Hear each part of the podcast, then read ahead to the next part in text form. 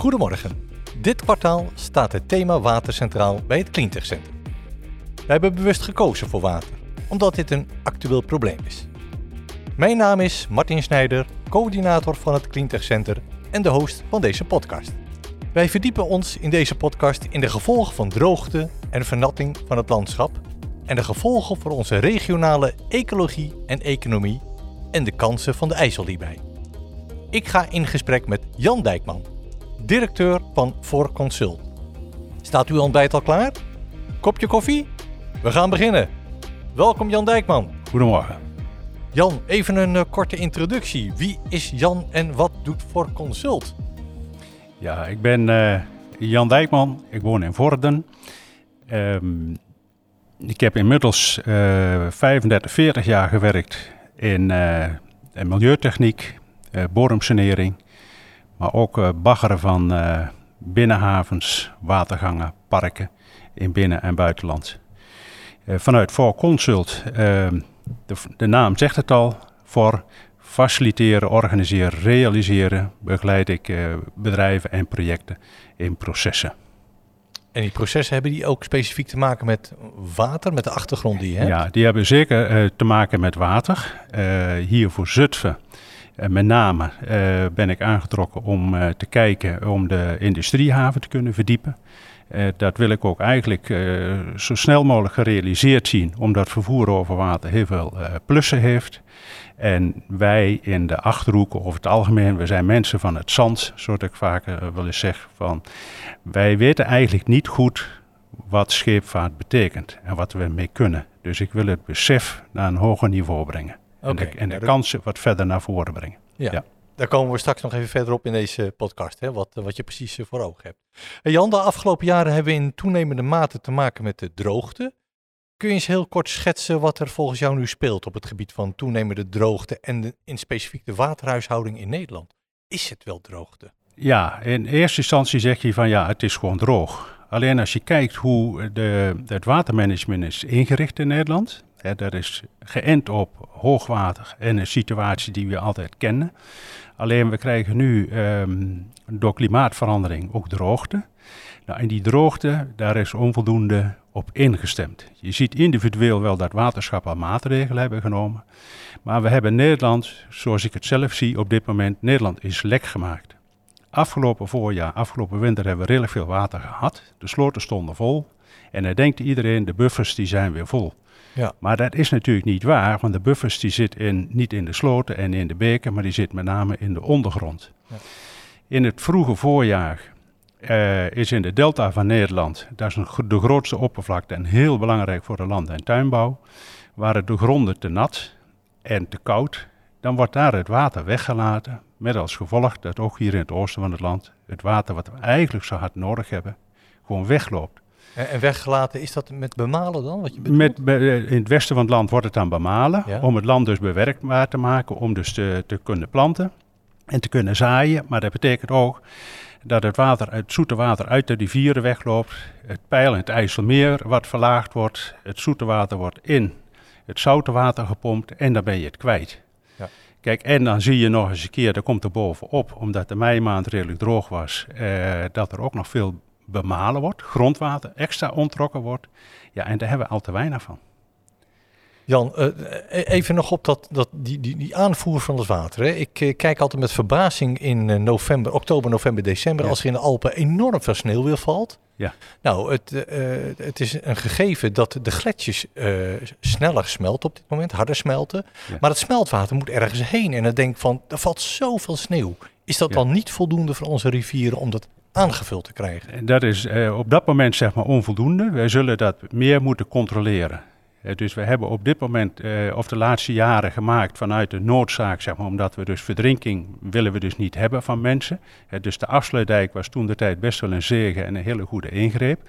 maar de natuurlijke dynamiek is daarmee ook weggehaald uit het IJsselmeer en uit de rest.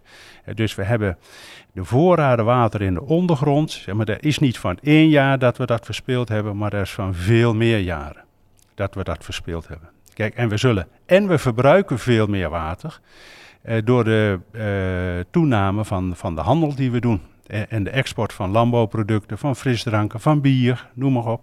Oké. We verkopen eigenlijk onze huid heel duur, wat dat betreft. Als we nu eens even inzoomen op, op, op de regio. Ja. Eh, de de Cleantech-regio, zitten we misschien in het bijzonder, of hier in de Achterhoek in het bijzonder. Ja. Wat gebeurt daar dan? Kun je daar iets over duiden? Als je hier in de Achterhoek kijkt, eh, hebben we het nakijken. Het water passeert ons en vervolgens zeg maar, dan wordt het gewoon in het westen wat niet meer nodig is, wordt er gewoon uitgelaten. Wij moeten eh, meer bereid zijn het water hier eh, tegen te houden. Ik heb al eens voorgesteld om dus een extra sluis te maken zeg maar, bij de Pannense kop. eh, om dus wat meer water te stuwen, ook het Pannense kanaal in. En er zou bijvoorbeeld, maar er moet uitgezocht worden waar de beste plek is, bij Deventer of tussen Deventer en Zwolle ook een extra sluis komen. Eh, zeker zeg maar in, in de IJssel. Hè, om de pijlen in de rivieren minimaal eh, op 3,5 meter eh, te kunnen houden. Vaardiepte. Dat is nogal een ingreep, Jan, een, een sluis bij Ja, eh, maar dat- of in de IJssel. Ja, dat is wel een ingreep. Maar als je kijkt zeg maar, nu naar de achterstanden die ontstaan. En dat gewoon een hele regio moeite heeft zeg maar, om overeind te blijven. Of het anders moeten doen.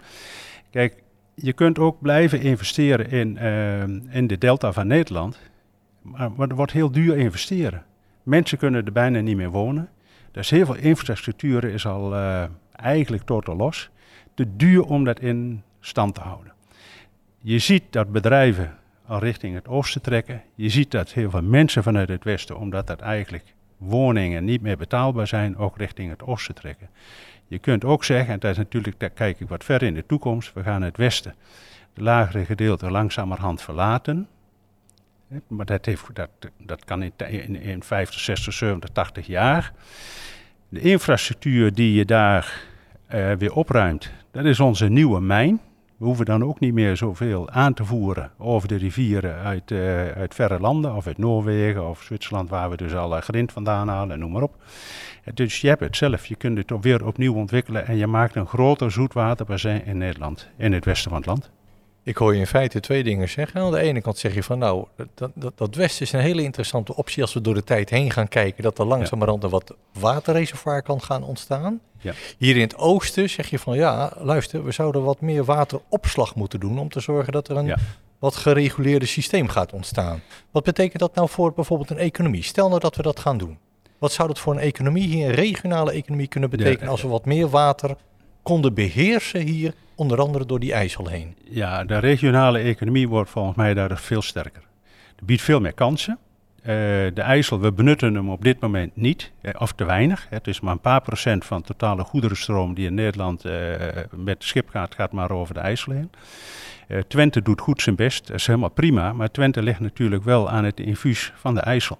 Als er in de IJssel geen water is, dan moet via de bovenkant, via Koevoorde, weer water naar het IJssel, of naar het Twentekanaal gevoerd worden. Wil men daar kunnen varen. Maar als dan de IJssel droog staat, zoals een maand geleden ook een waterstand van 2,5 meter, ja, dan kun je niet veel. Dus we zullen daar echt wat aan moeten doen. We hebben een goede arbeidsethos, onderzoek hebben dat ook aangetoond. En ik kijk dan ook even verder dan de lokale regio, maar ook de regio zou ik erbij willen pakken. Eh, want er is ruimte, er is grond, ehm, goede kwaliteit ehm, aan, aan, eh, aan bouwgrond. Het is eh, in verhouding goedkoper bouwen eh, dan palen van 20 meter lengte de grond in moeten slaan. Ik denk dat er heel veel kansen liggen, goede kansen liggen. Niet alleen voor de economie, maar ook voor de leefomgeving. Beluister ik daarmee misschien ook een voordeel als het gaat om CO2-reductie? En ook Is die link te CO2-reductie. maken? Ja? Ja, want vervoer over water eh, geeft een fors eh, eh, reductie op de CO2. Ik heb voor Zutphen, hier voor de industriehaven, is uitgerekend, stel dat ik in 2018 5000 containers per jaar zou doen, over een afstand van 250 kilometer, en ik zou 200.000 ton bulkproducten. Ja, die getallen, voor Zutphen lijkt het heel veel, maar er is natuurlijk zeg maar op eh, eh, de havens, zeg maar, wat er eh, verhandeld wordt, zeg maar niks, drie keer niks. Maar dat betekent wel een, een CO2-reductie. Eh, als je dat gaat moniteren maal 57 euro per ton, dat er ongeveer 700.000 euro aan CO2-uitstoot vermeden wordt. En dat is ook voor stikstof. Een 240 ton stikstof minder op onze Natura 2000 gebieden. Maar nu hoor ik een stemmetje en die zegt van, ja, is allemaal leuk en aardig Jan, maar is het niet zo dat de binnenvaart op dit moment juist een van de vervuilende scheepsvaartsoorten zijn, die met eh, nog wat, eh, zeg maar, wat relatief oudere brandstoffen zijn Ja. en tweede is dat op het moment dat je het gaat verplaatsen naar het Zutphense toe, krijg je niet veel meer verkeersbewegingen die in grote druk leveren op je infrastructuur. We hebben hier, uh, ik heb net alleen een voorbeeld gegeven van alleen wat in Zutphen in de haven gebeurt. Dat komt nu over de weg daar naartoe en gaat ook via de weg er weer af. Dus dat zou daar stoppen. Dan komt het daar naartoe en dan gaat het schip verder. Dus dat levert minder verkeer op. Uh, de binnenvaart is met een hele uh, slag bezig om dus de motoren allemaal te vernieuwen. Er wordt op dit moment met de berekeningen die gemaakt zijn gewoon nog van oude motoren uitgegaan. Maar per ton kilometer hebben ze veel minder uitstoot dan bijvoorbeeld vrachtverkeer. Ja, ja. Of onze kleine, met name uh, de, de, de, de pakjesvervoerders, uh, die we allemaal aan de deur krijgen, meerdere keren per dag. Dat zijn de meeste vervuilers. Daar moeten we eigenlijk van af. Heb je een suggestie, Jan? Want dat kan niet over het water. Dat kan ook over het water, maar we, we willen alles alle minuut hebben, binnen 24 ja. of uur hebben. En daar moeten we eens van af misschien. Maar dat is meer een economische ja, probleem, ja, een economisch vraagstuk hè? Dat, dat, dat we hebben. Ja. ik hoor je heel duidelijk zeggen dat die IJssel een, een, een soort slimme, duurzame slagader zou moeten worden. Uh, ligt dit eens toe? de IJssel is op dit moment zeg maar onvoldoende benut. Het is een prachtige rivier. Sommige mensen willen hem zo houden zoals die is. En denken van ja, nou hij is ook ooit zo ontstaan. En op een gegeven moment is hij ingebed met stortsteen om hem ook verder niet laten vervormen. Kijk, ik zal niet zeggen dat je hem recht moet maken, want het is een rivier.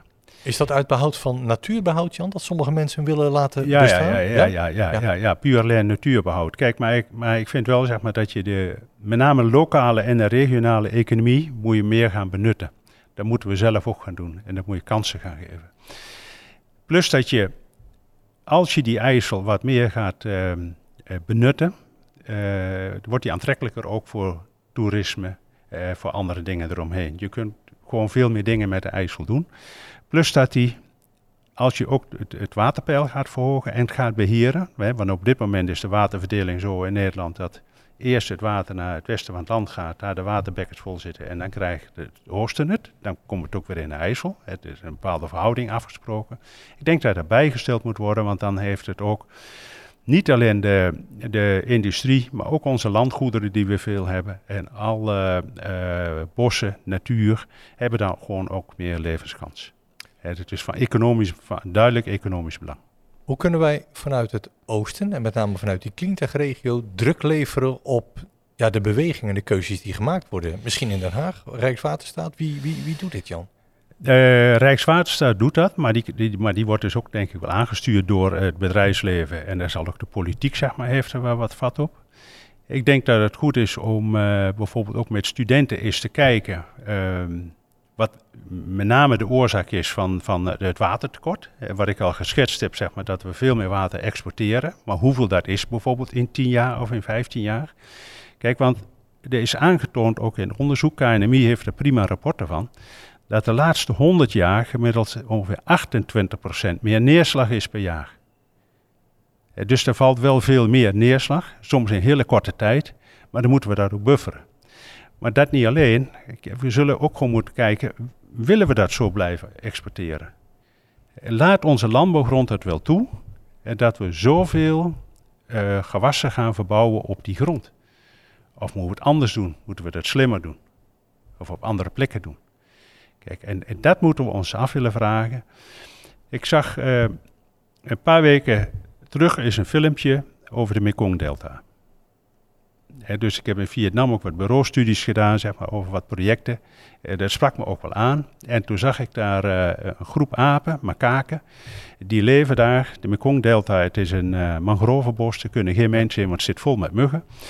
En die makaken, dat zijn besseneters, dat zijn vruchteneters over het algemeen, die apen. Maar die hebben in het voorjaar, is er nog niks te eten.